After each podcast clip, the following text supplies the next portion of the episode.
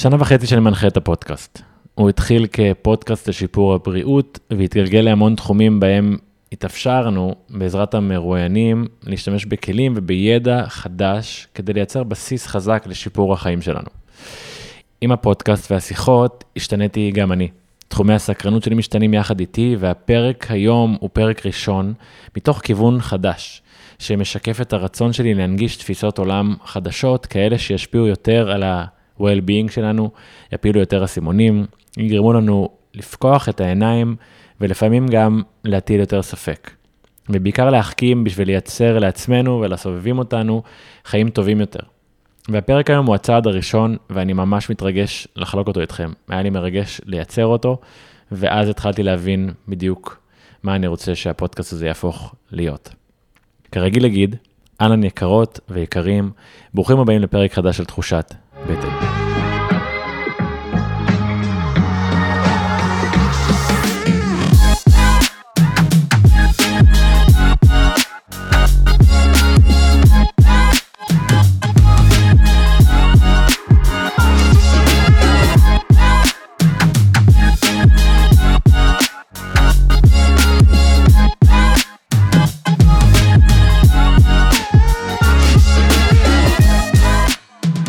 שבוע טוב, אהובות ואהובים, מקווה שהפרק הזה מוצא אתכם מלאים חשק להתחיל את השבוע, מגיע לכולנו להרגיש ככה לפחות. אם אתם חדשים כאן, תחושת בטן היא תוכנית שמייצרת שיח אלטרנטיבי, אותנטי וללא אג'נדות, שבא לעשות קצת סדר בכל מה שקשור לבריאות שלנו, אם היא הפיזית או רגשית. אני המנחה שלכם מתן חכימי, יוצר תוכן, מאמן ומחבר הספר חוקי בטן. בשנים האחרונות אני חוקר את הקשר בין הבחירות, האמונות ואורח חיים שלנו ל-well-being שלנו. וככל שאני לומד יותר, בא לי לחלוק את הדברים שאני לומד יחד איתכם, בעזרת המרואיינים שאני מארח כאן בכל שבוע. השבוע אירחתי את פרופסור ערן הלפרין. ערן הוא פרופסור במחלקה לפסיכולוגיה באוניברסיטה העברית, והמייסד של מרכז אקורד, פסיכולוגיה חברתית לשינוי חברתי. זו הייתה אחת השיחות הטובות שעשיתי בעיניי בשנה וחצי האחרונות. כרגיל להגיד שאם מצאתם ערך בפרק הזה, אנא מכם תחלקו אותו עם כמה שיותר אנשים. אני מבין עם הזמן שכמה שיותר אנשים יקשיבו לפודקאסט הזה, נייצר לנו סביבה יותר טובה, וזה פרק ראשון וכל כך חשוב בעיניי. שתהיה האזנה נעימה. אהלן פרופסור ערן הלפרין. אהלן מתן. אני, זה, הלוואי והייתי יכול, להת... תמיד הלוואי והייתי יכול להתחיל להקליט לפני שאני מתחיל להקליט, כי כבר היה לנו פה איזה ויכוח, אה, דיון סוער עוד לפני זה, אבל אני אגיד עליך שאתה אה, מתעסק בפסיכולוגיה של יחסים בין קבוצות חברתיות ופוליטיות. נכון. ב- ב- במידה רבה, השאלות שמעניינות אותי הן חברתיות ופוליטיות, mm-hmm. ואני יותר ויותר מוצא לאורך השנים שאת התשובות לשאלות האלה, אני מוצא בעיקר בעולמות הפסיכולוגיים, העולמות הרגשיים. אבל כאילו, מה שיצא לי להבין, לא מדובר על, בהכרח על פוליטיקה כפוליטיקה, מה, במי אני אבחר מחר. אני, אני חושב שהכל מעורבב. אוקיי. Okay. אה, אני מתעסק בעיקר בעולמות הבין-קבוצתיים, זאת אומרת, בתופעות כמו אה, גזענות, סטריאוטיפים, אי שוויון, אפליה, אבל גם בשאלות רחבות יותר, כמו הקונפליקט הישראלי-פלסטיני, ולמה לאנשים יותר קל אה, ללכת למלחמה מאשר לתמוך בתהליך שלום. כל דבר בעולם החברתי או הפוליטי שאתה יכול להכניס אותו לתוך המשבצות של יחסים בין קבוצות. אני לא אעשה מחקר באופן ישיר על למה אתה מצביע דבר מסוים או אחר בבחירות, mm-hmm. למרות שזה מעניין בעיניי. היה כמה דברים שאנחנו ניגע בהם בהמשך, אבל היה כמה מילים שנזרקו לאוויר עכשיו, שהם אה, אמפתיה, תקווה, שנאה ופחד. ולמרות שתמיד אני כאילו אומר לעצמי, אל תיגע בנושא הזה, אני כאילו רוצה אולי כן לדבר רגע על מה שקרה בקורונה בשנתיים האחרונות, כי אם יש משהו ש... שככה מעיד על פערים חברתיים, אמ, הרגשנו אותו ממש, כאילו, כלומר, תמיד היה ימין ושמאל, תמיד היה אה, דת כזאת או אחרת, ופתאום עכשיו יש משהו שפתאום הוא רלוונטי לכולם, זה הדעה שלי כלפי הקורונה. כן, אז אני חושב שכחוקר של, של יחסים בין קבוצות, הקורונה, אתה יודע, מעבר לזה שכולנו כנראה חווים אותה כאתגר אה, אישי, משפחתי, בריאותי, אה, כלכלי, כחוקר של יחסים בין קבוצות, זו תופעה מרתקת. אתה יודע, אני יכול לספר אנקדוטה, כשאני, בתחילת, בתחילת המגפה, כמי שעומד בראש מכון שעוסק ביחסים בין קבוצות בחברה הישראלית, ככה ישבתי עם רון, המנכ"ל של, ה, של הארגון שלנו, של אקורד, ואמרנו, תגיד, איך, איך, איך נצליח להמשיך לגייס פה כספים ולהמשיך לקיים את הארגון? כשכל העולם עוסק פה באיזה מגפה שהיא בכלל בריאותית, היא לא סיפור uh, חברתי, זה לא עניין של יחסים בין קבוצות. ושאלנו את עצמנו, מה, מה, מה נעשה, איך, לאן נלך? Uh, ותוך ממש שבועות התברר בצורה הכי, הכי חדה וחד משמעית, שאומנם יש פה סיפור בריאותי ואולי סיפור כלכלי, אבל קודם כל יש פה סיפור חברתי. וה, והקורונה היא סיפור חברתי מרתק. היא סיפור חברתי מרתק כי באופן תיאורטי היית אומר, uh, בחברה שהיא חברה שסועה, כמו החברה הישראלית, שיש בה ערבים ויהודים וחרדים וחילונים וימין ושמאל, ואני מזכיר שהקורונה עוד הגיעה אלינו בתקופת כן ביבי ולא ביבי ובלפור ו- וכו', דווקא איום חיצוני, שמאיים על כולם באותה מידה, הוא פוטנציאל לחיבור בין הקבוצות השונות. אתה יודע, כ- כפסיכולוג חברתי הייתי אומר לך, היית שואל אותי, ערן, תגיד, מה, יכול קצת למתן פה את, ה, את השנאה ואת הכעס בין חרדים לחילונים, בין ימנים לשמאלנים? הייתי אומר, אם היה משהו שיכול לחבר אותנו, זה איזשהו איום חיצוני, mm-hmm. שכולנו צריכים לנסות להתמודד איתו ביחד, שבו אנחנו תלויים אחד בשני, שיש לנו אמפתיה אחד לשני כי, כי, כי כולנו סובלים מאותם דברים, וזה יכול ממש לחבר אותנו. איזשהו ארמגדון כזה. כן, ואז אתה מסתכל על הקורונה, או על, ה, או על, ה, או על המגפה ו, ומה שהיא הובילה, או, או לאן שהיא הובילה את החברה הישראלית, ואתה אומר, אבל קרה בדיוק הפוך. או במידה רבה קרה בדיוק הפוך. זאת אומרת, דווקא ההקצנה האידיאולוגית אה, עלתה. והגזענות בין ערבים ליהודים עלתה, והשנאה לחרדים, בטח בתחילת הקורונה, עלתה בצורה משמעותית. נכון. ונוצרה פה עוד עוינות מאוד מאוד קשה בין פתאום איזשהו מרכיב זהותי חדש של מתנגדי חיסונים מול תומכי uh, חיסונים ו- ומדע, ופתאום חברה שבאופן פוטנציאלי הייתה יכולה ללכת לחיבור אולי ש- שלא היה כמותו, אתה יודע, תנסה לחשוב על, זו השוואה קצת אה, קשה, אבל, אבל מתי אנחנו מתחברים בצורה הכי טובה? במלחמות. נכון. במלחמות פתאום כולם עוזרים אחד לשני, פתאום לכולם, פתאום זה לא משנה אם אתה ימני או שמאלני, או מזרחי או אשכנזי, כולנו ביחד, כתף אל כתף. והקורונה לא, לא, לא הצליחה לייצר את זה. וזה, וזה מאוד מעניין למה, ואם תרצה, אני, אני יכול לנסות ולהסביר. אני אשמח לשמוע, אני רוצה להגיד אבל כבר את ה, מה שאני כאילו ראיתי ואני חושב, זה נראה שמהמקום הפוליטי והתקשורת, כאילו היה איזשהו אינטרס דווקא לייצר ריחוק וכל מיני דברים כאלה שמבדילים בינינו, והוא האשם והוא זה ש, שיצר את הקרע הזה, לא יודע אם זה היה קורה לבד. אז אני, א', אני מסכים איתך. זאת אומרת, אני חושב שאין ספק שאתה יכול להסתכל על גורמים, אתה יודע, אני הייתי קורא להם גורמים אה, מבניים או מוסדיים, התקשורת, המאפיינים של רשתות חברתיות, מנהיגים מסוימים, mm-hmm. משני הצדדים של המפה הפוליטית, שיש להם, להם אינטרסים לייצר אה, אה, אה, פילוג או הקצנה כדי לחבר אנשים לקבוצה שלהם. אבל אני, גם במחקר שלי וגם בעבודה החברתית שלי, משתדל תמיד לשאול את עצמי, מה מעבר לזה? זאת אומרת, מה קורה מעבר לתקשורת ומעבר למנהיגות? כי, כי יש משהו מאוד קל ב, ב, בלזרוק את זה עליהם, נכון? אלה נכון. שמקצינים אותנו, אבל אנחנו לא, אתה יודע, אנחנו לא כצאן לטבח. אנחנו לא הולכים ל, לאן שהמנהיגות שלנו לקחת אותנו, לאן שהתקשורת לוקחת אותנו, ואני חושב שאנחנו צריכים לשאול את עצמנו, למה אנחנו כחברה אה, כל כך, כל כך, כל כך התקשינו לייצר, לייצר את החיבור הזה. חלק מהתשובות נמצאות אתה יודע, בעולם המחקר שלי בצורה מאוד פשוטה. זאת אומרת, אנחנו יודעים שכשאנשים נמצאים בחוסר ודאות מאוד גדולה, בחרדה מאוד גדולה, בחשש מאוד גדול אה, לגבי העתיד, אבל גם העתיד המאוד קרוב שלהם, הדבר הראשון שהם עושים זה להתכנס בתוך עצמם. להתכנס ולהתחבר לאנשים ש, ש, שמרגישים לידם הכי בטוחים, זה אנשים שהם דומים לי, שהם מאותה דת שלי, אותה עמדה אידיאולוגית שלי, אנשים שאני מכיר אותם, והדבר השני שהם עושים הרבה מאוד פעמים בסיטואציות האלה, זה לחפש את השעיר לעזאזל. ולשאול, מי זה הביא עלינו את המגפה הזאת? מי אשם בזה? אם אתה זוכר, בתחילת המגפה היו פה, שוב, אני מסכים איתך, בתקשורת, במנהיגות, זה החרדים שמייצרים פה את ההדבקה. זה הסינים. או זה הערבים, בהתחלה זה הסינים, טראמפ קרא לזה בכלל, אתה יודע, הנגיף הסיני, נכון? נכון. זה, זה, זה הגיע משם, וזה חלק ממה שאנשים עושים בצורה מאוד אדפטיבית, כדי להתמודד עם מצבים של חוסר ודאות ושל חרדה, להתכנס בתוך הקבוצה שלהם ולחפש את מי להאשים.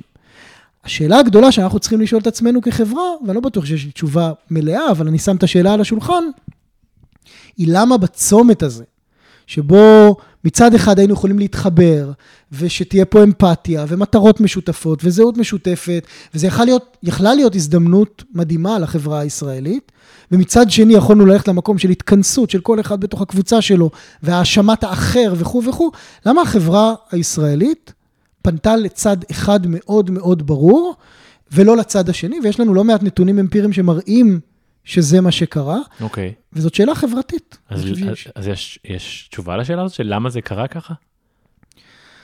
אני חושב שהתשובה הכי אה, מעניינת שאני יכול לתת, אתה יודע, סיימנו השבוע, בשבוע הזה שאנחנו מקליטים, פורסם אה, מאמר מאוד גדול שלא אני הובלתי אותו, אבל לקחתי בו חלק, אה, פורסם ב-Nature Communication, אה, מאמר שבדק ב-67 מדינות שונות, מהם הפקטורים שהיו המשפיעים ביותר על הנכונות של אנשים להיענות להנחיות רפואיות ומדעיות בהקשר של הקורונה. אה, התחסנות, ריחוק חברתי, כל הדברים שיש בהם מימד מסוים, גם של חוסר ודאות וגם של מחיר, ומצד שני מצריכים מדינה כדי שהיא תתפקד בתוך סיטואציה כזאת, צריכה שזה יקרה. והמחקר מצא ממצא מאוד מאוד מעניין, הוא מצא שאקרוס 67 מדינות שונות, הפקטור הכי משמעותי שהשפיע על הנכונות של אנשים להיענות להנחיות של קורונה, אנחנו יכולים לקרוא לו בעברית בצורה הכי פשוטה, תחושה של שייכות.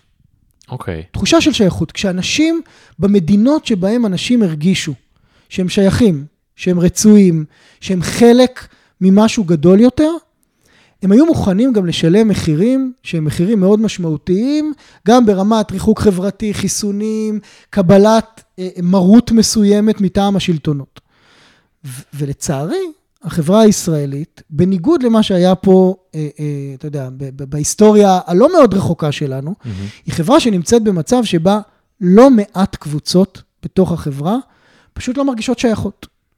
חרדים אומרים שהם לא שייכים, וערבים אומרים שהם לא שייכים, ובתחילת המגפה שמאלנים אמרו שהם לא שייכים, ולא מעט קבוצות, והיום מתנגדי חיסונים מרגישים פה לא שייכים, ולא מעט קבוצות אומרות, אנחנו לא חלק, אנחנו לא חלק, ואם אנחנו לא חלק, אז למה שנשלם מחיר, ולמה שנענה להנחיות שנראות לנו מאוד מאוד בעייתיות? ואם אתה מחבר את זה לחברה שבה נוצרה נורמה, אה, אני, לא מתבייש להגיד נורמה שנוצרה על ידי הממשלה הקודמת בצורה מאוד ברורה, שמי שלא מסכים איתנו, הוא לא לגיטימי. הוא לא לגיטימי לשבת כחלק מהאנחנו הזה. נו נכון, תראה, אתה אפילו אמרת מתנגדי חיסונים. ואתה יודע, אתה, מדבר על לא להרגיש שייך, אני לא מרגיש שייך. א', אני בחרתי לא להתחסן, לא כי אני מתנגד, כי עשיתי בחירה שקשורה לגוף האישי שלי, שהייתי ממש רוצה שלאנשים יהיה אמפתיה כלפיי. ובדיוק, אוקיי, מתן בחר משהו, וכנראה שהוא עשה את הבחירה שלו כי מותר לו לבחור מה שהוא רוצה, לא כי לא אכפת לו. כי גם, גם המדע הראה שאני לא בהכרח מסכן אף אחד אם אני עושה בחירה כזאת עם עצמי. ו, ואז אני חושב שזה, ביחד עם זה שיש ממשלה שאומרת, מי שלא איתנו שיעוף מפה, אז ברור שאני לא מרגיש שייך. כאילו, מה, מה נשאר לי? למה אני ארגיש שייך בסופו של דבר? נכון. ז, ז, זאת שאלה מאוד מאוד גדולה, והשאלה הבאמת גדולה שיש, אתה יודע, אנחנו הולכים עכשיו כאילו ל, ל, ל, למקום מאוד גבוה ברמת ההפשטה שלו, אבל אני חושב שהשאלה הגדולה של חברות דמוקרטיות היא איך, איך חברות דמוקרטיות מייצרות מצב שגם אנשים שלא מסכימים עם הקונצנזוס או עם המיינסטרים או עם האמירות המאוד uh, תשתיתיות של אותה ממשלה באותו זמן, עדיין אומרים, אני רצוי פה. ואני מרגיש שייך, ואני מרגיש חלק, ואתה יודע, אתה יכול להגיד, הממשלה רוצה שאני אתחסן, אני לא רוצה להתחסן, או אני חושב שזה לא נכון, או לא מתאים לי, או לא נכון חברתית, ועדיין אני מרגיש שמתייחסים אליי בכבוד. שהדעה שלי, שהדעה שלי נשמעת, שהיא משמעותית, ושאני רצוי פה. כן. והשאלה איך מייצרים את זה, היא, אתה יודע, יש פה מתח שהוא, שהוא לא פשוט, אבל החברות שהצליחו בעולם לייצר מצב שהקורונה כן מייצרת מהלך חברתי קונסטרוקטיבי וחיובי, הן חברות שלא שיש בהן פחות חילוקי דעות, כי יש בהן חילוקי דעות משמעותיים בעולם בהמון נושאים, אלא הן חברות שמצליחות, הן חברות שמצליחות לנהל את החילוקי דעות האלה בצורה קונסטרוקטיבית יותר. אתה יכול לתת דוגמה למדינה כזאת, הכי משמעותית, ומה הם עושים אחרת? לא, אתה יכול לראות מדינות אירופאיות, מה שאני מנסה להגיד הוא שהתשובה היא לא במדיניות כזאת או במדיניות אחרת. התשובה היא בשאלה של איך אנחנו מנהלים את אי ההסכמות בינינו. אתה יכול לראות שבלא מעט מדינות אירופאיות, mm-hmm. ואני בקשר עם לא מעט חברים שנמצאים היום במדינות אירופאיות, גם כשמדברים על חיסונים וגם כשמדברים על ריחוק חברתי, וגם אפילו כשמדברים על סגר, מדברים על המלצות. יואו, בול ככה. מדברים על המלצות. עכשיו, למה מדברים על המלצות? מדברים על המלצות כי יודעים שרמות האמון הן יחסית גבוהות, שלאנשים באמת אכפת אחד מהשני, ושהאנשים יקבלו לרוב, לא כולם, אבל לרוב, יקבלו את המלצות הממשלה כי הם מאמינים שהממשלה באמת באמת רוצה בטובתם. Mm-hmm. ואני חושב שאתה מדבר פה על סוג של, אני, אני חוקר מושג שקוראים לו emotional climate. Okay. אוקיי. זאת אומרת, איזושהי, איזשהו אקלים רגשי או אקלים חברתי שמייצר מצב שאתה יכול לדבר על המלצות. בישראל, אתה יודע, זה קצת, זה קצת, אתה לא יודע מה בקודם, הביצה או התרנגולת, mm-hmm. אתה לא יכול לדבר פה על המלצות. כי אתה, כי אתה מניח שאם תדבר פה בשפה של המלצות, לא יקשיבו. אף אחד לא יקשיב לך, כי רמות האמון הן כל כך נמוכות, כי רמות תחושת השייכות הן כל כך נמוכות. מצד שני, איך תייצר אמון אם לא תיתן את האפשרות הזאת? נכון. אני חייב נכון. להגיד, הלוואי והייתי אומר את זה ככה לפני שנה, אבל בנובמבר, לפני שנה וכמה חודשים, אה, בשיא הסגר השני, לא זוכר נראה לי, אז אה, טסתי לניו יורק לקפל שם את כל העניינים שלי, ואתה יודע, עזבתי את ישראל ממצב שניידות אומרות לי תחזור הביתה, אתה מפר בידוד, נותנים דוחות, מפחידים. אני מגיע לניו יורק, ופתאום אני מזהה שהכל רק המלצות. אתה רוצה לשים מסכה? המלצה. אתה רוצה ריחוק המלצה, אתה רוצה להישאר בבית אחרי טיסה כבידוד, המלצה. ואמרתי, וואו, איזה פער מטורף. כלומר, לא משנה מה הדעות, אומרים לך, יש לך זכות בחירה. שזה לא יודע, אה, בקיום שלי בתור בן אדם בעולם הזה, מה יותר חשוב מזה שמישהו יגיד לי, אני סומך עליך, תבחר מה שנכון לך, אני, אף אחד לא יכול להגיד לי. כאילו, איך זה הגיוני שהגוף הזה, שאני משלם לו את המשכורת שלו, שנקרא הממשלה, בסופו של דבר אומר לי, תסגור את העסק, תישאר בבית, ועוד, ועוד כאילו מחתים את השם שלי. אני יכול לאתגר אותך רגע? כן. אה, זה מעניין, אני שומע אותך, וזה, אתה יודע, דיברת קודם על שיחות שהיו לנו לפני שהמיקרופון נפתח, אבל אני, אני, אני רוצה לקחת אותנו לשיחה שהייתה לנו לפני שהמיקרופון נפתח. אוקיי. Okay. אתה נשמע כרגע כמו חלק מקבוצת מיעוט, mm-hmm. שמרגיש, אני אגיד, כמעט נרדף. אוקיי. Okay. מרגיש לא שייך, מר, ומרגיש שהוא לא יכול לסמוך, או ברמות אמון יחסית נמוכות, נכון. כלפי הממשלה, שמנהלת כרגע את אחד המשברים הכי דרמטיים והכי משמעותיים שהיא צריכה לנהל בשבילך. כן. Okay. ואני, אם, אם אני אקח אותך רגע למקום היותר רחב, גם של המחקר שלי וגם של העיסוק החברתי שלי, אז, אז אני רוצה שנייה לבקש ממך לחשוב, או לשים את עצמך בנעליים של מי שמרגיש ככה ביום-יום, תמיד. אוקיי. Okay. כי בשבילך זאת הרגשה יחסית חדשה, ואתה גם די נסער מהתחושה הזאת, ואני חושב, ש, ואני חושב שבצדק, כן. ממש בצדק. אבל uh, ערבים, במדינת ישראל, שבמשך עשרות שנים אמרו להם, לא באופן אימפליסיטי, אלא על השולחן, לא לגיטימי שאתם תשבו סביב שולחן הממשלה, לא לגיטימי שאתם תחליטו החלטות לגבי מה שקורה פה.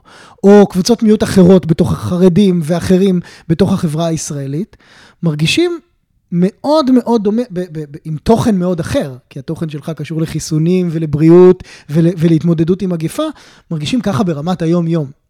וה, והעובדה שחלק מאיתנו, שאנחנו חלק מקבוצת הרוב, אני אקרא לזה קבוצת הכוח, חלק יקראו לזה הקבוצה הפריבילגית, פתאום פתאום נכנסים לתוך נעליים של אנשים מקבוצות המיעוט או מקבוצות הקבוצות שחסרות בכוח או הלא פריבילגיות, ומרגישים את אותה תחושה. ואתה שואל את עצמך, מה זה אומר להיות אזרח ערבי בחברה בישראל, שבאמת באמת לא מאמין שהממשלה רוצה את טובתו? באמת לא מאמין ככה, ולא רק בהקשר של הקורונה, אלא ביום-יום. אה, ואני חושב שזה זה, זה, זה חלק מה, מהעולם שבתוכו אנחנו אה, אה, עוסקים. אתה יודע, זה, אתה אומר את זה וזה מכה בי ומעציב אותי, כאילו לחשוב שאני, כאילו לא, מי מוצא בכלל זמן ביום שלו לחשוב על מה חווה איזשהו מיעוט שהוא לא אני.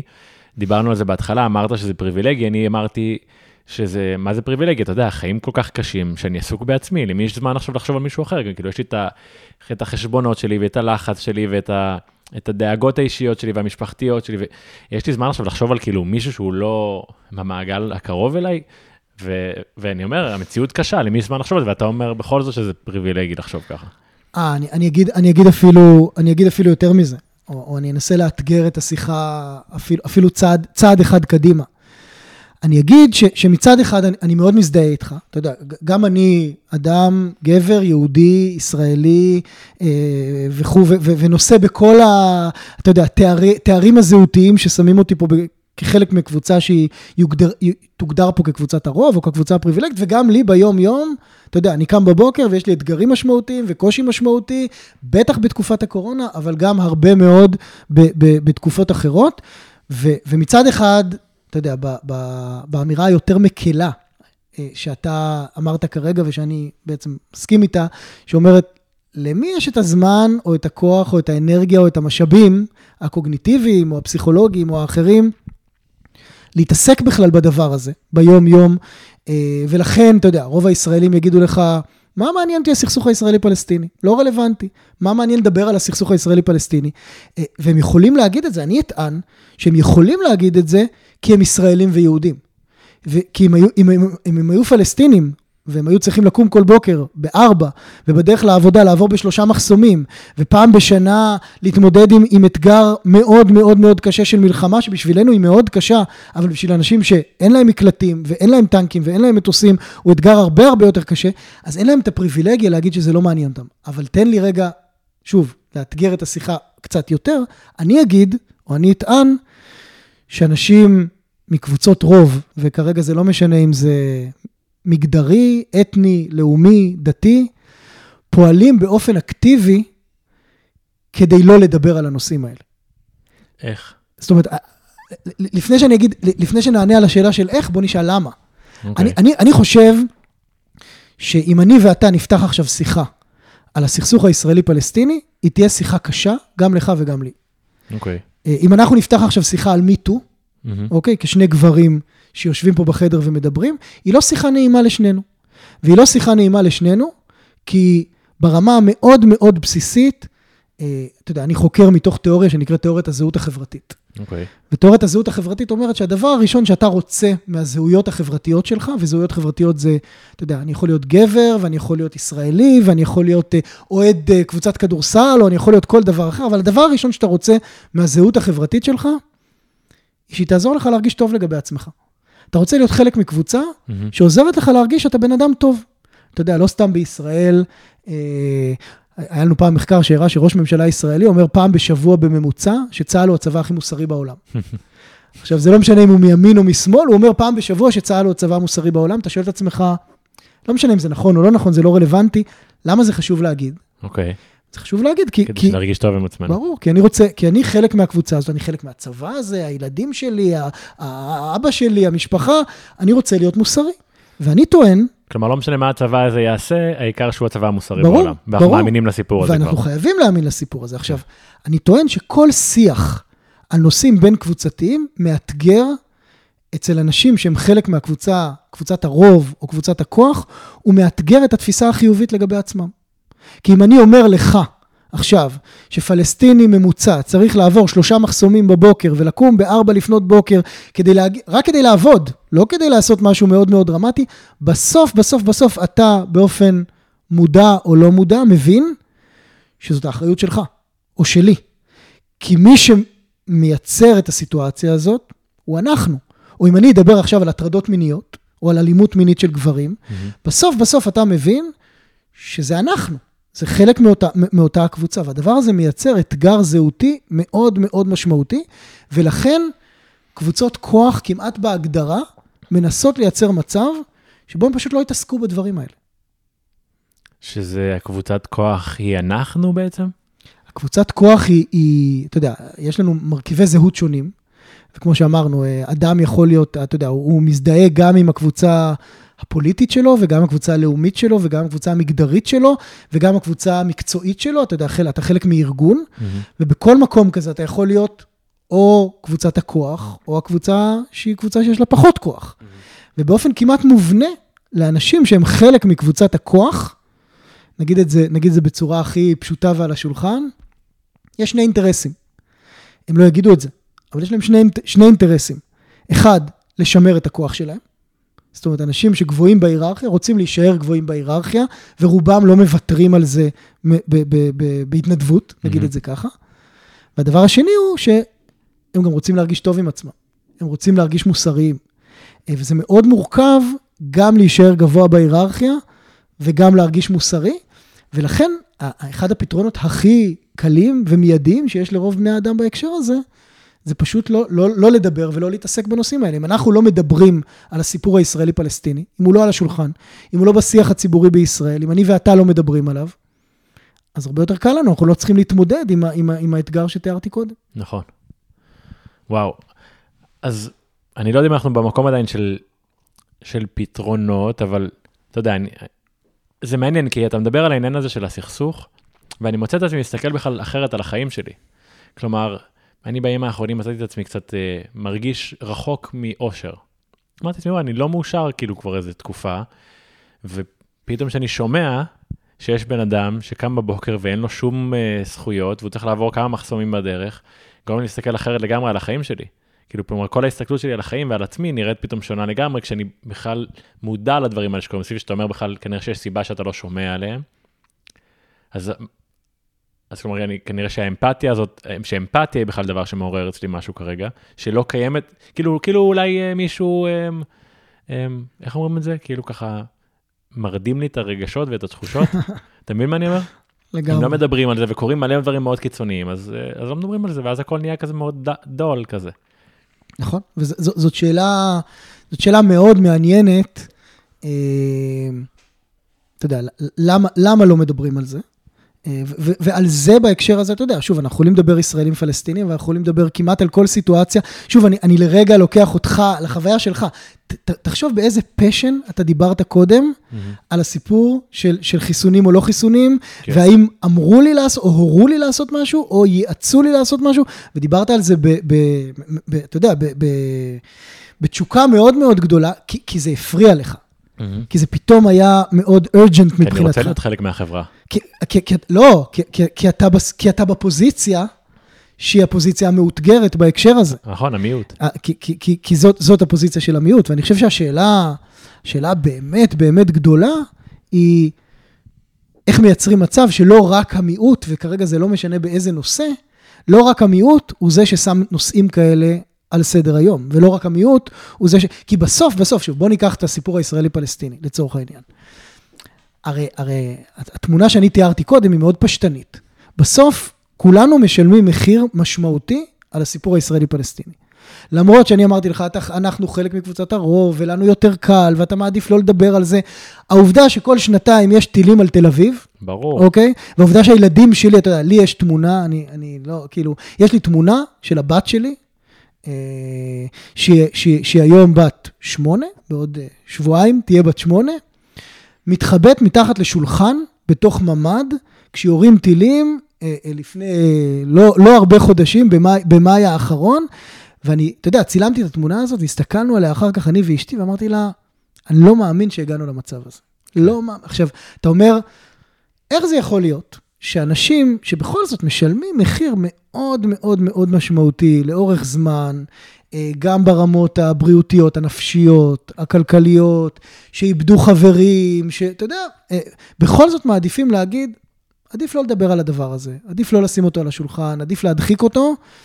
אה, כדי להמשיך לחיות פה בשקט. כן, אבל גם כאילו ראינו, כש, כשהיה ניסיון להפגין, אם זה היה כלפי המצבים האלה, אז לא, זה גם לא עובד, אז כאילו אתה מתייאש בסוף, ואתה אומר, אוקיי, יש לי, כאילו, אתה יודע, נגמרת מלחמה, אתה רוצה לעשות איזשהו שינוי, אבל אתה אומר, טוב, אבל מצד שני, כאילו, מה אני אעשה עכשיו? כאילו, יש לי עדיין את השיט שלי להתעסק בו, ואף אחד לא מקשיב לי גם ככה, וכאילו, אתה יודע מה התחושה? ואני חושב שזו תחושה שכל פעם שמאזין עכשיו יתחבר אליה, אי אפשר לייצר שינוי. מעולה. זאת אומרת, זה לא מעולה, אבל זה, מאוד, זה, זה, זה, לה... זה, זה לא מעולה, אבל זה מאוד מתחבר לעולמות שלי. אז, אז אני יכול להגיד לך שחלק גדול מהמחקר שאנחנו... אני רוצה להגיד משהו לפני שתתחיל לדבר על שינוי. כי אולי זה חשוב לשמוע, שאנשים יבינו עם מי אני מדבר עכשיו. בעצם, אתה מדבר הרבה על הסכסוך ומרבה תשוקה, אבל אתה בעצם, אה, אה, אה, איך, איך אני אגיד את זה, נפצעת בעקבות הסכסוך? נכון? בעקבות. זה בסדר שנדבר על זה? כן, כן, חופשי, לגמרי. אז בעצם, אולי תספר ממש בכמה מילים. אז, אז אתה יודע, אמ, הסיפור הוא לא סיפור מאוד מיוחד, אני חושב, ברמה, ברמה ציבורית, אבל אני בשנת, באוקטובר 97, שזה כבר 25 שנה, שזה לא יאמן שעברו, שעברו 25 שנה, אה, שירתתי בלבנון אה, כקצין, אה, ובעצם בדרך למערב שהובלתי עם חיילים שלי, נתקלתי חוליה של מחבלים, של, של לוחמי חיזבאללה, או שהם נתקלו בנו, אני לא יודע מה, מה קרה קודם.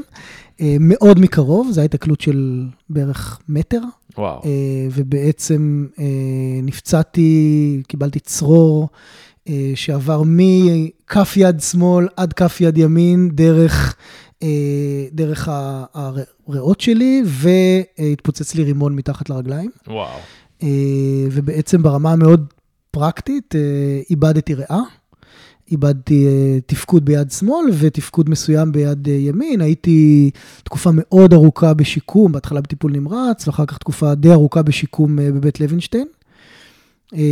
תהליך מאוד, מצד אחד מאוד, מאוד מאתגר, ומצד שני נגיד מאוד מאוד מעצים. אתה יודע, אימ- אימא שלי לא אוהבת לשמוע את זה, אבל אני עד היום אומר ש... אני לא חושב שהייתי מוותר על זה בשום צורה.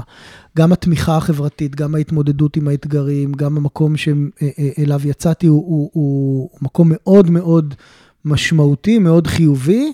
ואני יכול להגיד, אתה יודע, אם אני מתחבר רגע לתחילת השיחה שלנו על זהויות, אה, הסיפור הזה של להיות אדם שנפצע ושיש לו מוגבלות משמעותית ושהתמודד איתה הוא חלק מאוד משמעותי ממה שאני וממי שאני, קודם כל ברמה האישית, לפני הרמה המקצועית והשאלה בטח. לאן זה הוביל אותי, לאן- זה הוביל אותי ברמה המקצועית. אני, מאוד קשה לי, אני כמעט לא יכול לדמיין את עצמי אה, לפני, לפני הסיטואציה הזאת. אה, והיו לה, גם, לה גם משמעויות מאוד גדולות מבחינת האופן שבו, הנתיב שבחרתי בחיים, והכיוון שאליו הלכתי, אה, והעבודה המקצועית שלי. כן, אני, אני שומע אותך, וחוץ מזה שזה מעורר השראה, זה, אני מתחבר לזה מאוד, כאילו לתחושה של החיבור שלך ברמה הזהותית הזה, גם זה, זה, המציאות מראה שאנשים שעוברים, מתגברים על דברים מאוד קשים, זה, זה משנה אותם, התחושת מסוגלות שיש לך היא בטח ברמה אחרת, ואיך זה משפיע על הערך העצמי שלך. אני תמיד אומר על עצמי, אני הייתי חולה הרבה שנים, שאני חושב שכנראה בלי המחלה הייתי בן אדם הרבה פחות מרשים, ו, ושלא הייתי, לא הייתי חוזר אחורה בזמן ומשנה את זה. כן, זה, זה, זה תמיד, אתה יודע, זו, זו תמיד אמירה מורכבת. זה גם בחירה, זה בחירה אה, אה. לרצות להאמין בזה, כי מה עכשיו תספר לעצמך שהלוואי והייתי יכול לחזור אחורה בזמן, אתה הרי לא יכול. זה נכון. אה, אתה יודע, יש, יש מושג מתחום הפסיכולוגיה שקוראים לו צמיחה, אתה, אתה מכיר אותו היטב, אני, אני בטוח, צמיחה פוסט-טראומטית, post-traumatic growth, שהוא כאילו תמונת המראה לרעיון של, של PTSD, לתעוקה פוסט-טראומטית. אה, ואני מניח שלאנשים, אתה יודע, להסתכל על עצמך ולנתח את עצמך זה תמיד אה, מורכב, אבל, אבל אנשים כמוני יש להם גם וגם. אה, אין, אין מישהו שחווה את מה שאני חו... חוויתי, ש... שאין לו סימפטומים, לפחות מסוימים, של PTSD, אה, ו... וזה דבר לא פשוט, ולהתמודד איתו ברמת היום-יום זה, זה לא, לא, לא פשוט בכלל. ומצד שני, אני חושב שהצמיחה הפוסט-טראומטית שאני חוויתי, ואני ממש מייחס את זה לטראומה, זאת אומרת, אני חושב שההבדל בין צמיחה פוסט-טראומטית לבין פשוט התפתחות אישית, הוא שאת הצמיחה אני מייחס ל- ל- לתהליך של ההתאוששות מהטראומה. ו- ו- ובמובן הזה, אה, אני חושב שיש לזה כוח, זה כמו, זה כמו- amplifier מאוד משמעותי לתהליך, נקרא לו יותר סטנדרטי של, של התפתחות אישית. כן. אני מאוד אוהב, ואני מתייחס לזה הרבה פעמים שאני מרצה, לעובדה שלפעמים הטיפול הפסיכולוגי הכי טוב הוא דווקא ההתפתחות, או ההחלטה להתמודד ולעשות צעדים קטנים, אה, אם זה מטרות או הרגלים, או עבודה אישית של דאגה אישית וצמיחה, שהם פתאום נהיים מהטיפול, וזה נשמע, זה מדהים. אני, אני מסכים, אני, אני, יכול להוסיף עוד דבר אחד ב-. בהקשר הזה, שהוא חשוב לי. אתה יודע, אני, אני, אני, אני כן חושב שחשוב גם להאיר, באלף, את, את הצד השני. כי, אתה יודע, אנשים, אנשים, כשאני מדבר, ואני מדבר הרבה, ב, ב, ב, גם בהקשרים כאלה, אז אתה יודע, גם אתה אמרת, זה, זה יכול להיראות אה, כאילו מעורר השראה, ו, ויש בזה המון דברים חיוביים, ותראו את הצמיחה, וכו' וכו' וכו'. ואני חושב שחשוב להגיד, לשים על השולחן בצורה מאוד ברורה גם את הצד השני. אה, כי החוויה שאני חוויתי, היא לא חוויה חריגה בחברה הישראלית, נכון. ויש המון המון המון המון אנשים, אני מדבר על עשרות ומאות אלפי אנשים, שחוו חוויות הרבה יותר קשות מהחוויה שאני חוויתי. לחוות אובדן במשפחה בעקבות מלחמה או אירוע טרור, ואני מדבר על הצד הישראלי וגם על הצד הפלסטיני, זה הרבה הרבה יותר קשה. והמחירים הנפשיים, אתה יודע, אני רואה את המחירים הנפשיים שאני משלם.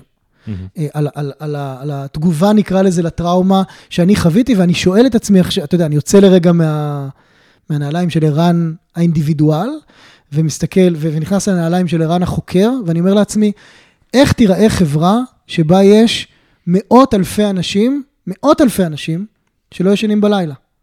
ומאות אלפי אנשים שבכל פעם שהם רואים רכב שעוצר בצד הדרך, הם חושבים שזה מחסום או פיגוע, או, או, או מחר בבוקר תהיה מלחמה, ומאות אלפי אנשים, או אולי יותר, שמגדלים ילדים, כמו הבת שלי, שמתחבאת מתחת לשולחן כשיורים טילים, ומה ההשפעה של זה על החברה ועל השיח שלה ועל הערכים שלה ולרמות הקיצוניות ועל היום-יום שלנו, ואתה יודע, יש לי דוקטורנטית, ענת, ענת רורמן, שחוקרת את ההשפעה של חשיפה לאלימות פוליטית, אה, אה, מהסוג שדיברנו עליו עכשיו, על רמות האמפתיה של אנשים ברמת היום-יום.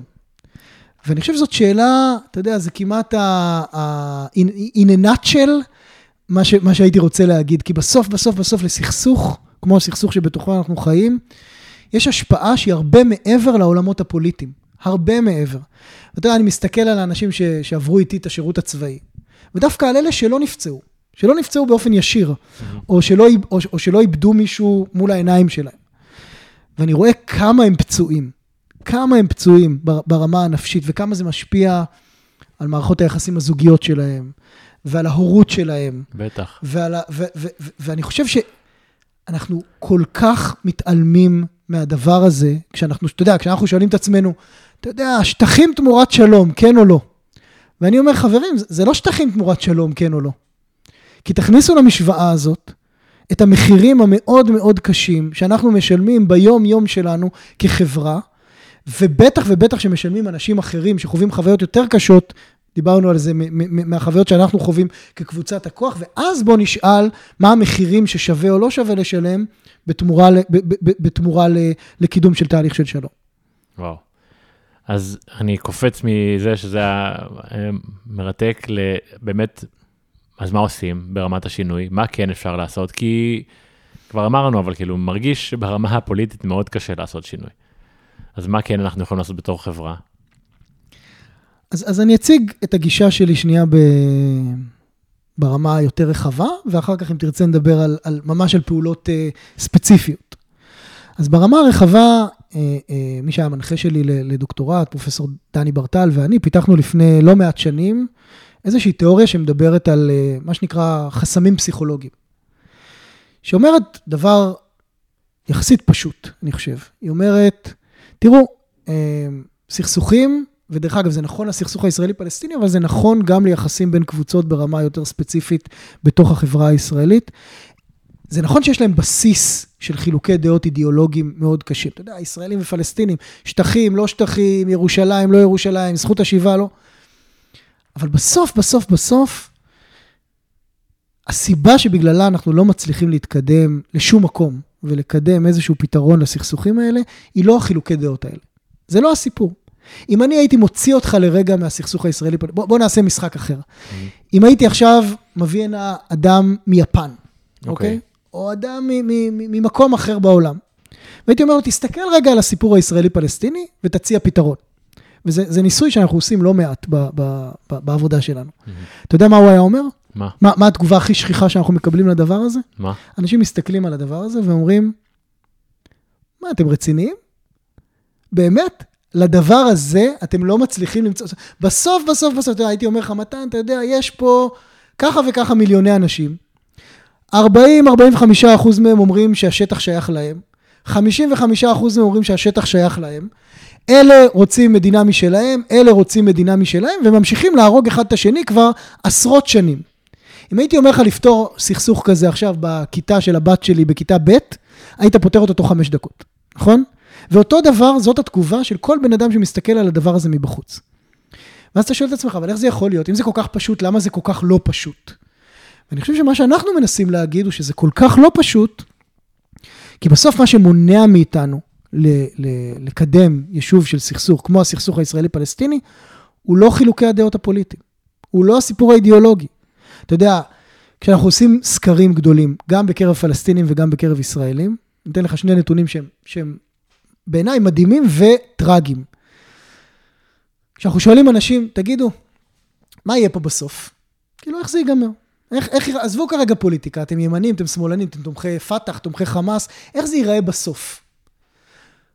באזור ה-90% מהפלסטינים ו-90% מהישראלים מתארים בדיוק, בדיוק, בדיוק את אותו פתרון. הם יודעים על מה מדובר. פחות או יותר, שתי מדינות, חלוקת ירושלים. אני לא נכנס כרגע, ל, אתה יודע, אני לא איש אה, מדע המדינה או איש פוליטי, אבל שנייה, תחשוב, יש איזשהו סכסוך מאוד מאוד קשה. אתה שואל אנשים משני הצדדים מה יהיה בסוף, 90 אחוז מהם אומרים לך את אותו דבר, כן. ממש את אותו דבר. Mm-hmm. ואז אתה שואל אותם, תגידו, אם הדבר הזה שתיארתם כרגע שיהיה בסוף, יביא באמת להפחתה דרמטית באלימות ולסוף הסכסוך, קץ הסכסוך. אתם מוכנים לתמוך בו פוליטית? כאילו חלוקת הארץ, חלוקת ירושלים, מהצד הפלסטיני, ויתור על זכות השיבה. הם אומרים לך לא? הם אומרים כן. הם אומרים כן? הם אומרים כן. אוקיי. קרוב ל-70 אחוז, אנחנו עושים סקרים כאלה מעל עשר שנים. קרוב ל-70 אחוז מהישראלים וקרוב ל-70 אחוז מהפלסטינים, אם אתה אומר להם, הדבר הזה, הפשרות האלה יובילו לסיום הסכסוך והפחתה של אלימות, אומרים לך, תקשיב, זה מאוד קשה לי, אבל אני מוכן לזה. עכשיו, תחשוב על הפרדוקס המטורף שבתוכו אתה ואני חיים. אנחנו חיים בתוך סכסוך שאנחנו משלמים עליו מחירים משוגעים, דיברנו על זה, נפשיים, כלכליים, צבאיים, אישיים, כל מה שלא תגיד, שממרר את חיינו, שמעכב את ההתפתחות שלנו, ממרר יותר את החיים של הפלסטינים בתוך הסיטואציה הזאת. 90 אחוז מהאנשים בשני הצדדים יודעים בדיוק איך זה ייגמר. 90 או 70? 90 אחוז מה, מהאנשים בשני הצדדים okay. אוקיי. יודעים בדיוק איך זה ייגמר. Mm-hmm. 70 אחוז מהם, מעל שני שליש, כן. גם תומכים בפתרון. אוקיי. Okay. אנחנו לא קרובים לשם. מה זה לא קרובים? המנהיגים שלנו לא מסוגלים לשבת באותו חדר ולדבר. והטענה שלנו היא שהסיבה לזה היא בכלל לא פוליטית, והיא בכלל לא אידיאולוגית. הסיבה לזה היא מה שאנחנו קוראים לו חסמים פסיכולוגיים. אוקיי. Okay. והחסמים הפסיכולוגיים האלה יכולים להיות הסיפור שאנחנו מספרים לעצמנו, הרגשות שאנחנו חווים, השנאה שלנו, הייאוש שלנו, הפחד שלנו, חוסר האמון. ואני חושב שמה ש, שצריך לעשות, לפחות מהפרספקטיבה שלי, אם, אם, אם אנחנו מקבלים את הרעיון הזה, הוא קודם כל להבין למה מתפתחים חסמים כאלה, להבין מה הם החסמים האלה, ואז במקום להתעסק בשאלה איפה יעבור הגבול, וכמה אנחנו מתפשרים, ואיזה אחוז אנחנו ואיזה אחוז הם, בואו נתעסק בשאלה איך מסירים את החסמים האלה. אז איך עושים את זה? מתבקש, אני כאילו סקרן. תראה, יש לי תפריט, אני יכול לשלוח לך ב... יכול לשלוח לך במייל. לא, א', אני אגיד, אין, אין, אין, אם היה לי תשובות בית ספר חד משמעיות לדבר הזה, הייתי, הייתי כנראה, הייתי כנראה מיישם אותם. ומה שאנחנו עוסקים בו ביום-יום במעבדה שלי, זה באמת בלנסות ולייצר אה, סוג של toolkit, אה, אה, אה, סוג של ארגז כלים, שידע להגיד, אז, אז מה, מה באמת יכול להיות אפקטיבי בלהפחית רגשות שהם רגשות הרסניים בהקשר של הסכסוך הזה, אה, לקדם רגשות שהם רגשות שיכולים להיות רגשות בונים, ולייצר מצב, בלי לשנות העמדות הפוליטיות של אנשים, לייצר מצב שבו הם יהיו בכלל פתוחים לאפשרות של לקדם שינוי. אני יכול לתת כל מיני דוגמאות, אם תרצה, ש, שמתארות איך, איך עושים את הדבר הזה ב, ב, ב, ב, בדרכים שבהם אנחנו פועלים. אוקיי, יש לי משהו להגיד, אני כבר לא יודע באיזה סדר לעשות את זה, כי אני סקרן לגבי מה שיש לך להמשיך להגיד. אבל משהו אחד שיושב לי בראש, זה זה שאני אומר, אוקיי, יש שתי דברים. דבר ראשון, בסופו של דבר זה המנהיגים האלה שמחליטים. כאילו, לא משנה מה אנחנו נרצה, הם אלה שמחליטים. עכשיו, הפתיע אותי שאמרת ש-90% רוצים ו-70% היו תומכים במהלך פוליטי, שהמהלך הפוליטי, אם אני לא טועה, אולי אני טועה, אולי אני טועה, נשמע כמו מהלך של שמאל, שבדרך כלל אין לו 70% תמיכה. אז אני כאילו, האם זה באמת פרקטי הדבר אז אמרת, אז, אז, אז, אז אמרת כרגע שני דברים שאני, שאני רוצה לאתגר. Okay. אוקיי. לא, לא, לא להגיד שאני לא מסכים לחלוטין, אבל אני רוצה לאתגר, אוקיי? Mm-hmm. Okay? אחד, אמרת, זה בסוף מנהיגים מחליטים. Mm-hmm. אני טוען שלא. זאת אומרת, הטענה שלי היא שכשאתה מסתכל על תהליכי שלום, גם פה וגם במקומות אחרים, למנהיג, אתה יודע, אובמה אמר את זה מאוד מאוד יפה בביקור שלו בארץ, אני לא יודע אם אתה זוכר, כשאובמה הגיע לביקור הראשון בישראל, הדבר הראשון שהוא עשה, הוא כינס אלפי בני נוער, בני ובנות נוער בבנייני האומה בירושלים, ודיבר איתם. Mm-hmm. והוא אמר להם, תקשיבו, למנהיגים, הדרך של קידום פיוס בדרכי שלום היא מאוד מאוד מסוכנת. היא מאוד מסוכנת. הרבה יותר קל להם ללכת למלחמה.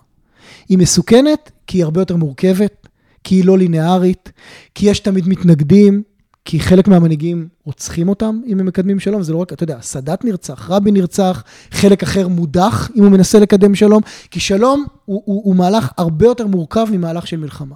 אוקיי. ובגלל שזה כל כך מסוכן למנהיגים, אז מנהיגים הולכים לתהליכי שלום רק אם דוחפים אותם. רק אם דוחפים אותם. עכשיו, אני חושב שזאת אמירה, היא, היא קצת קיצונית. אני לא, מאמין, אני לא מאמין עד הסוף שזה תמיד בא מלמטה והמנהיגים just follow the people. לא, לא, אני, לא, אני לא חושב ככה.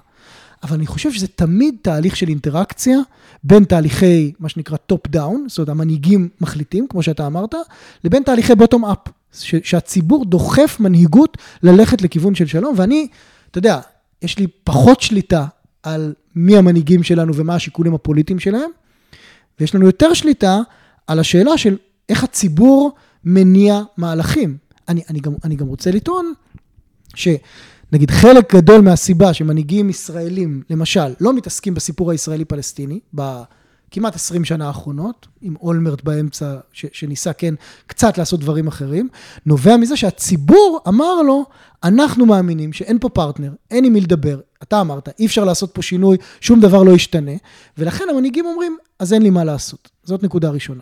נקודה שנייה, אתה אמרת, איך זה יכול להיות ש-70% מהאנשים תומכים במהלכים כאלה, שהם נראים לפחות כמהלכי שמאל, אבל השמאל בסוף הוא מאוד קטן פה ב- ב- ברמה האלקטורלית, ברמה הפוליטית, ואתה צודק ב-100%. וזה כבר ניתוח פוליטי, אבל, אבל בגדול, מה שקרה בחברה הישראלית בהקשר הזה, הוא מאוד מעניין. ההזדהות הפוליטית של אנשים, אם אתה מסתכל בפרספקטיבה היסטורית, הלכה מאוד ימינה. הרבה יותר אנשים שאתה שואל אותם היום, ואנחנו שואלים במחקרים שלנו, איך אתה מגדיר את עצמך? נגיד על סולם של 1 עד 10, 1 זה ימין קיצוני, 10 זה שמאל קיצוני, איפה אתה שם את עצמך על הסולם הזה?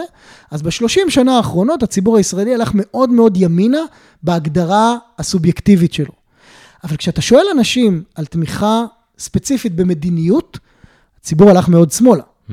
זאת אומרת, אתה שואל אנשים, אם היית שואל לפני 30 שנה, כמה אנשים בישראל תומכים ברעיון של שתי מדינות לשני עמים, אם הוא יוביל לסיום הסכסוך והפחתה של האלימות. זה היה קבוצה מאוד מאוד מאוד קטנה של מצביעי, זה אפילו לא היה מרץ אז, היה רץ וחדש וכו', אבל זו קבוצה מאוד מאוד שולית. Okay. כן.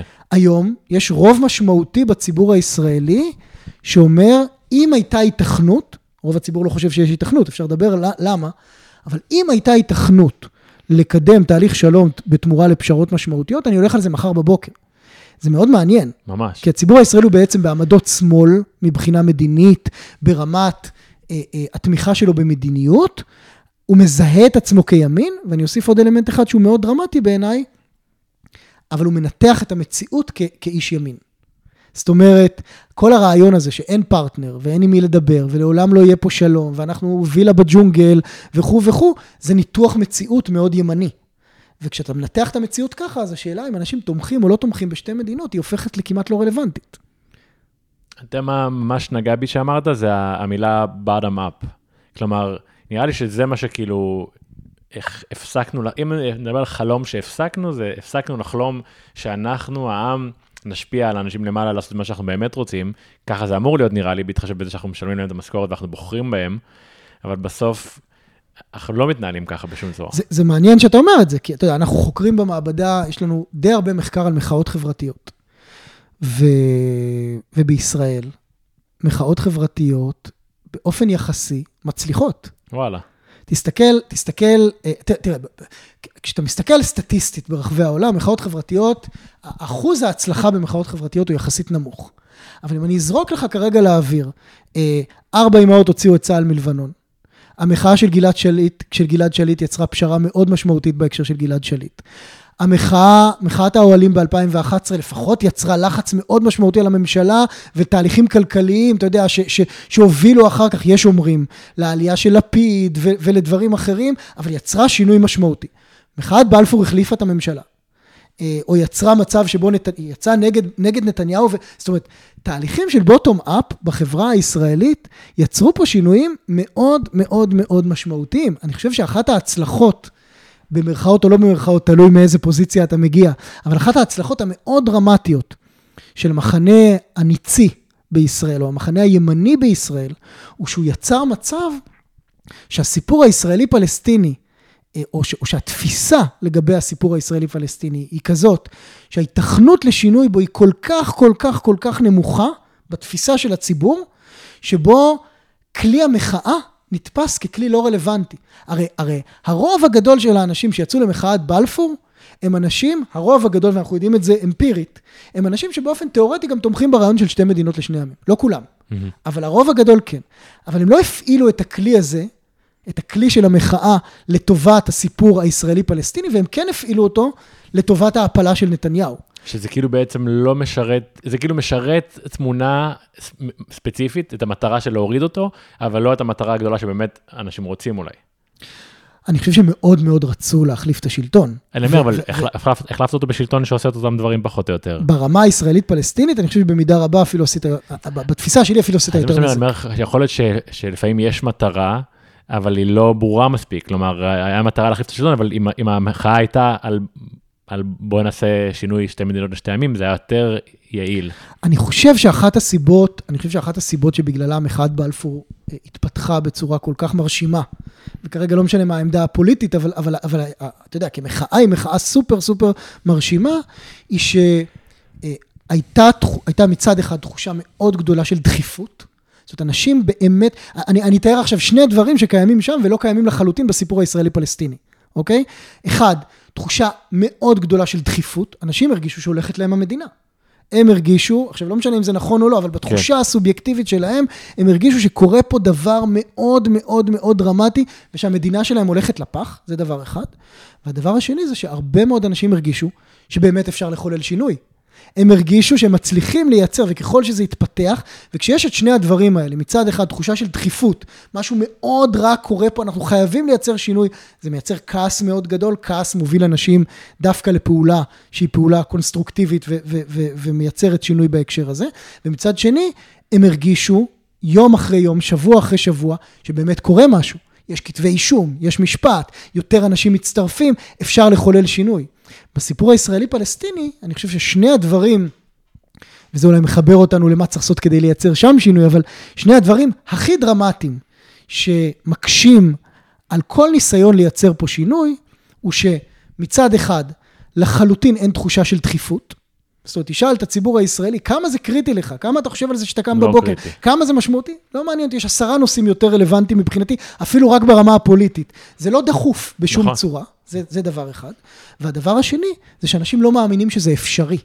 ברור. וזה מאוד מאוד מאוד משמעותי. ב, ב, יש תיאוריה... גם אם אתה לא מחבר את זה לדברים, נגיד, אוקיי, זה לא הכי מעניין אותי ומעניין אותי יותר הדברים הכלכליים, אבל אם אתה לא מחבר את השניים, אז קל גם להתעלם מזה, לגמרי. כי כאילו זה לא קשור, אבל זה הכל קשור. יש, יש תיאוריה מאוד מאוד יפה, תיאוריה על תקווה.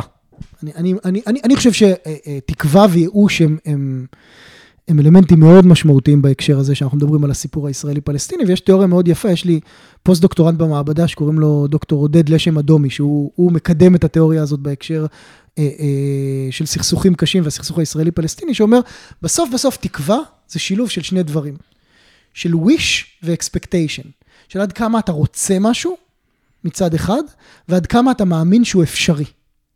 ובסכסוך הישראלי-פלסטיני, מה שקורה כרגע הוא שאין לנו לא את זה ולא את זה. זאת אומרת, אנחנו היינו רוצים שלום ברמה האבסטרקטית, אבל כשאני שואל אותך עד כמה אתה רוצה משהו מתן, אז אתה, השאלה היא עד כמה זה נראה לך דחוף. עד כמה זה קריטי, עד כמה אתה רוצה את זה מחר בבוקר, עד כמה אתה חושב שאם לא נשיג את זה היום, מחר או עוד שנה, המצב שלנו פה יהיה קטסטרופה?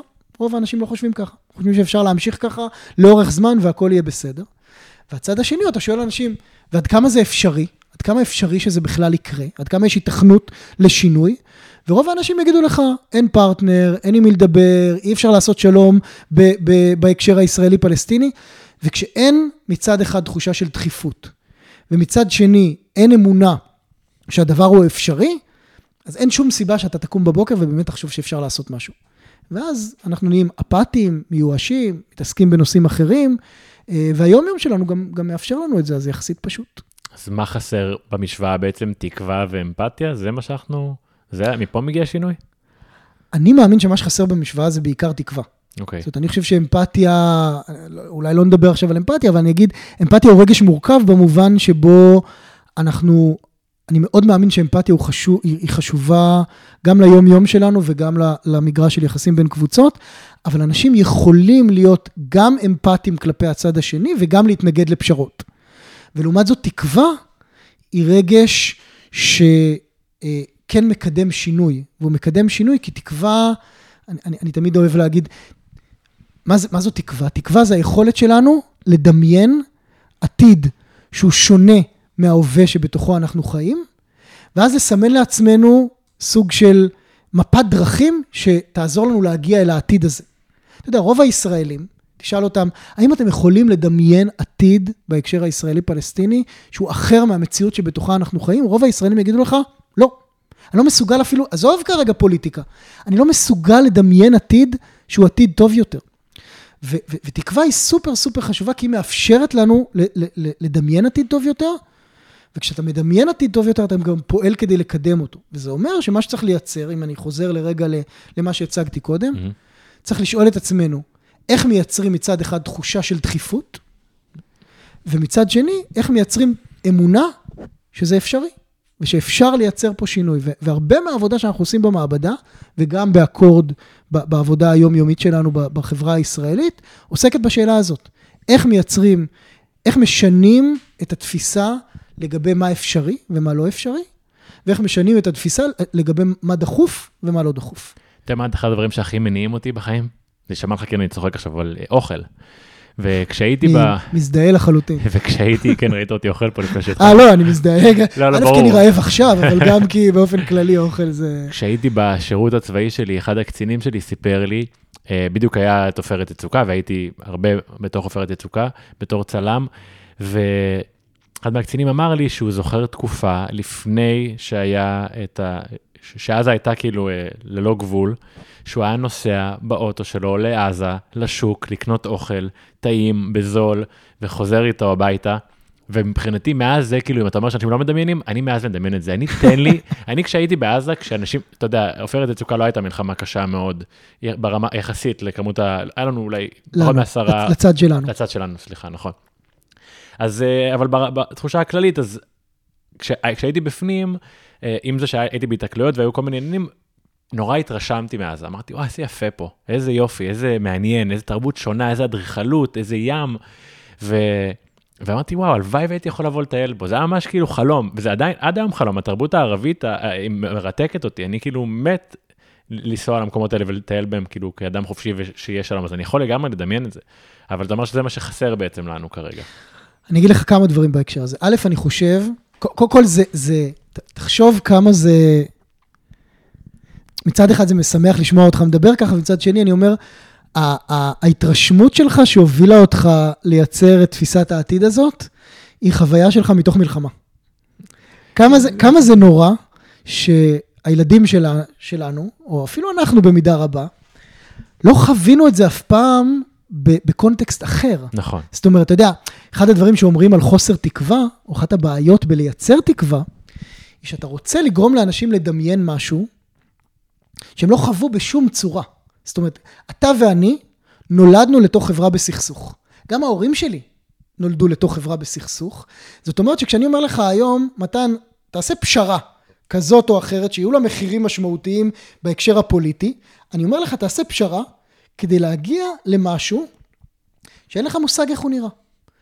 הדיפולט שלך מבחינת החיים, שהם יחסית בסדר, בסך הכל, ביום יום שלנו, שוב, ברמת הקולקטיב, אה, הוא דיפולט של חיים בקונפליקט, זה מה שאנחנו מכירים, זה, אתה יודע, אה, אה, נגיד בשפה לא נעימה, אולי זה חרא, אבל זה החרא שלנו, והוא מוכר לנו, ואנחנו יודעים איך לתפקד, איך, איך לתפקד בתוכו. ו, וחוסר היכולת לדמיין, אפילו תחשוב על הרעיון שיש לנו חומה. יש לנו חומה שמפרידה בינינו לבין הגדה המערבית ולבין הפלסטינים. לבין אנשים. לבין אנשים. אנחנו לא רואים אותם. אה, רובם, אתה יודע, פעם היו מגיעים לעבוד פה, אנחנו היינו נוסעים לשם, אין כזה דבר יותר. כל הרעיון הזה של לדמיין את הדבר הזה, של להיות באיזושהי אינטראקציה, של, של, של לראות את הכאב ולחוש אמפתיה כלפי הכאב, או לדמיין משהו חיובי שיכול לקרות, אנחנו עושים כל מה שאנחנו יכולים כחברה כדי למנוע מצב שבו זה יקרה. וזה זה, זה, זה, זה בעיניי מציב סימן שאלה מאוד מאוד גדול. אני גם לא מאמין שזה פונקציונלי לאורך שנים. זאת אומרת, אני לא מאמין שזה יכול להתקיים לאורך זמן. מה זה?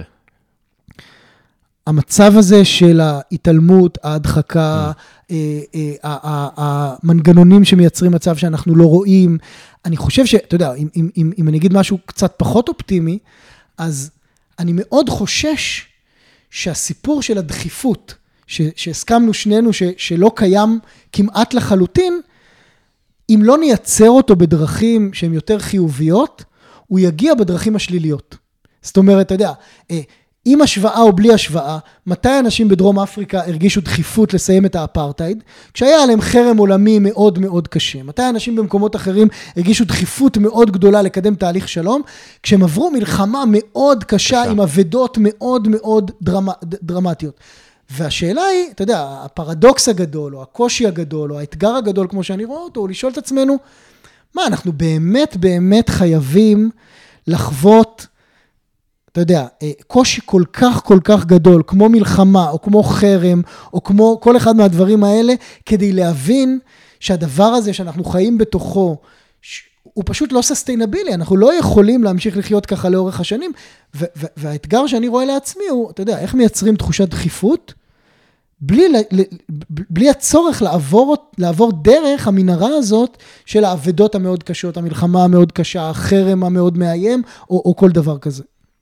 טוב, זה רק גורם לי לחשוב על זה שדיברתי על זה קודם, על הקהות חושים הזאת, שכאילו, אני תמיד לוקח למקומות של לנסות להבין מה עומד מאחורי זה, אז אתה אומר, יש לנו מלחמות קצרות, שכביכול הנזק הוא לא גדול מדי, ואז קל לחזור לשגרה, קל להתעלם. סבלת עכשיו כמה שבועות, אז יאללה, בוא, רק תן לי לחזור לקפה שלי, לים שלי, רק לשכוח מהדבר הזה. אבל אין משהו כמו מלחמת העולם השנייה, ש... אומר, אוקיי, יש פה שינוי שכנראה שהעולם צריך להתערב בו, כאילו, שזה לא רק נהיה, כאילו, אוקיי, תעשו הסכם או שיחות או כאלה, או הפסקת אש, שזה די מגוחך. איך הגיוני שיש מלחמה, שפתאום יש בחירה להפסקת אש שמגיעה ממיל, כאילו, אז, אז כנראה שהיא לא הייתה מלחמה אמיתית, אם אפשר במילה להפסיק אותה. הכל פה... כן, אבל... יש, עוד, יש עוד דרך. אה, אה, לא יודע, אני לא יודע איך אנחנו מבחינת זמן, תגיד לי אתה, אבל, אבל אה, אה, יש עוד דרך להסביר למה, למה זה קורה. אה, אני חושב שאחד הדברים שקורים לחברות בסכסוך, חברות שחיות בסכסוך לאורך שנים, ושוב, הזכרתי את זה לא סתם, את זה שאתה יודע, אנחנו נולדנו לתוך הסכסוך, ההורים שלנו נולדו לתוך הסכסוך, הילדים שלנו נולדים לתוך הסכסוך, הוא שדרך התמודדות שהייתה מאוד מאוד אדפטיבית עם סיטואציה של סכסוך קשה, והיא באמת באמת מאוד טובה ועוזרת לחברות בסכסוך להתמודד עם המצב שבתוכו הן חיות, היא גם הסיבה שבגללה הן לא מצליחות לצאת משם. זה קורה הרבה פעמים ברמה האינדיבידואלית, אבל אנחנו יודעים לתאר את זה גם ברמה הקולקטיבית, אני, אני אעשה את זה מאוד בקצרה. בעצם, חברה בסכסוך, חברה שבאמת בסכסוך, שהיא באיום קיומי, דרמטי, אתה יודע, ישראל של יום כיפור, mm-hmm, אוקיי? כן. יש לה שני אתגרים, אתה יודע, קודם כל זה, זה אנשים שחיים בסיטואציה פסיכולוגית מאוד לא פשוטה. הישרדותית. הרעיון הזה שאומר, מחר אנחנו יכולים להיות לא קיימים, אתה יודע, שאמרו ביום כיפור שהאחרון יסגור את האור.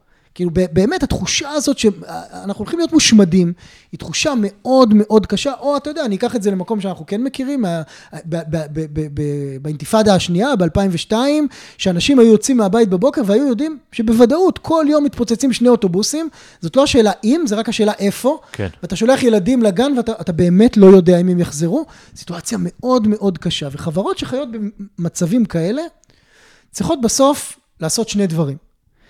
שהם, שהם נשמעים אוטומטיים, אבל הם מאוד לא אוטומטיים. אחד, אתה צריך לגרום לאנשים, לכל האנשים או להרבה מהאנשים, להגיד, אני מוכן להקריב את החיים שלי למען הקולקטיב פה. זאת אומרת, אתה יודע, אצלנו קוראים לזה טוב למות בעד ארצנו, במקומות אחרים יש לזה שמות אחרים, אבל אתה צריך לייצר סוג של מערכת, תחשוב על זה, מערכת שדרך מערכת החינוך, והצבא, והתקשורת, והתרבות, שתגרום לאנשים להגיד, אני מוכן להקריב את חיי, זה, זה לא קורה מעצמו, זה ברור לכולנו שזה לא קורה מעצמו. וזה אתגר אחד. והאתגר השני, שבעיניי הוא לא פחות משמעותי, אתה צריך לייצר מצב שבו אנשים יגידו, אני חי פה חיים טובים ונורמליים במציאות פסיכית לחלוטין. לגמרי. וזה לא, אתה יודע, תיאורטית, אני מסתכל על נתונים, על רמות החרדה של הציבור הישראלי בכל מיני סיטואציות. באינתיפאדה. אה, אתה רואה את רמות החרדה, בן אדם שהיה מסתכל על זה מבחוץ היה אומר, אנשים לא יוצאים מהבית. לא יוצאים מהבית. באמת, אתה רואה את רמות, אחוז האנשים, דיברנו על זה קודם, סימפטומים של PTSD בחברה הישראלית. אתה מדבר על אחוזים מאוד מאוד גבוהים, תיאורטית היית אומר, זאת לא יכולה להיות חברה מתפקדת. ואיכשהו המערכת צריכה לייצר מצב שמצד אחד אנשים יגידו, טוב למות בעד ארצנו, מצד שני הם יגידו, בוא'נה, אחלה פה. לא יודע אם ראית, במדדי העושר, חברה ישראלית, אה, אתה יודע, ב top five כבר איזה עשר שנים רצוף. זה מדהים, באמת מדהים. עכשיו, איך חברה עושה את זה? איך, איך היא מתמודדת עם שני האתגרים האלה? היא מספרת לעצמה סיפור. היא מספרת סיפור. סיפור שהוא זהה בכל חברה בקונפליקט, אנחנו חוקרים לא מעט חברות בקונפליקט, הוא, זה, הוא תמיד אותו דבר. זה תמיד, אה, אנחנו תמיד רצינו שלום והצד השני תמיד דופק את זה, אנחנו הקורבנות האולטימטיביים, כל העולם נגדנו, אה, אנחנו הצד המוסרי ושילמנו מחירים מאוד קשים בשביל המוסריות שלנו, אבל הם, הם לא בני אדם, הם מוכנים להקריב את הנשים ואת הילדים שלהם אה, לטובת המטרות שלהם, הם לעולם לא ייתנו, אני יכול להרחיב, אבל, אבל זה הסיפור. דיו, אתה מספר, רק אומר את זה, זה מטורף, הסיפור. כשאתה מספר סיפור כזה, אז קודם כל אתה משרת את האתגרים שלך. זאת אומרת, אם אני גדלתי, אם הילדים שלי גדלים לתוך סיפור כזה, והם גדלים לתוך סיפור כזה, אז טוב למות בעד ארצנו, זאת המסקנה המתבקשת, אוקיי? וגם הגיוני לחיות חיים נורמליים בתוך סיטואציה פסיכית, כי אתה מבין שאין ברירה. שזה, שזה האופציה היחידה, שלעולם לא יהיה פה שלום, כי הם כאלה כמו שתיארתי, ואנחנו מוסריים, ואנחנו עכשיו, כל החברות מאמינות בזה, הפלסטינים מאמינים במה שתיארתי, אני אומר את זה אמפירית, יש לנו כן. מחקרים כאלה, מאמינים במה שתיארתי עכשיו לגבי עצמם, בדיוק כמונו. זה מאוד אדפטיבי, זה, זה מאוד, אה, איך אומרים אדפטיבי בעברית, זה, זה, זה מאוד נכון לתפקוד של חברה שחיה בסכסוך, זה עוזר לה להתלכד, להתמודד עם האתגרים, אה, לנצח במלחמות, לעשות כל מה שצריך בתוך סכסוך. אבל אותו דבר שתיארתי כרגע, שנמצא בנאומים של המנהיגים ובתקשורת ובספרי הלימוד של הילדים ובאופן שבו הורים מדברים עם הילדים שלהם, אותו דבר בדיוק, הוא הדבר שגורם לך לקום בבוקר ולהגיד, למה להתעסק בסיפור הישראלי-פלסטיני? אין שום סיכוי לקדם אותו, זה לעולם לא ישתנה. ואותו דבר הוא הדבר שגורם לזה שגם הפלסטינים מחר ישימו על השולחן את עסקת החלומות האולטימטיבית, אוקיי? אתה ואני לא נסתכל על זה בכלל. לא נסתכל על זה, ויש לנו, אנחנו, אנחנו מכירים מצבים כאלה. אנחנו לא נסתכל על זה כי אם האופן שבו אנחנו מסתכלים על העולם הוא דרך המשקפיים שתיארתי קודם, של הסיפור הזה, אז זה לא הגיוני להסתכל אפילו כשיש הזדמנויות, אתה יודע, ועל אחת כמה וכמה, זה לא הגיוני לנסות לקדם הזדמנויות. ואני חושב שהאתגר המאוד גדול שיש לאנשים שרוצים לייצר שינוי כמוני, או כמו, כמו, כמו אנשים ש, ש, שמנסים כן לקדם פה משהו אחר, הוא להגיד, תראו, המשקפיים האלה, הסיפור הזה שסיפרנו לעצמנו כל כך הרבה שנים, חלק גדול ממנו נכון, והוא מתבסס על דברים אמיתיים, וחלק מסוים ממנו אנחנו פיתחנו כדי להתמודד עם מציאות שהיא כבר לא המציאות שלנו.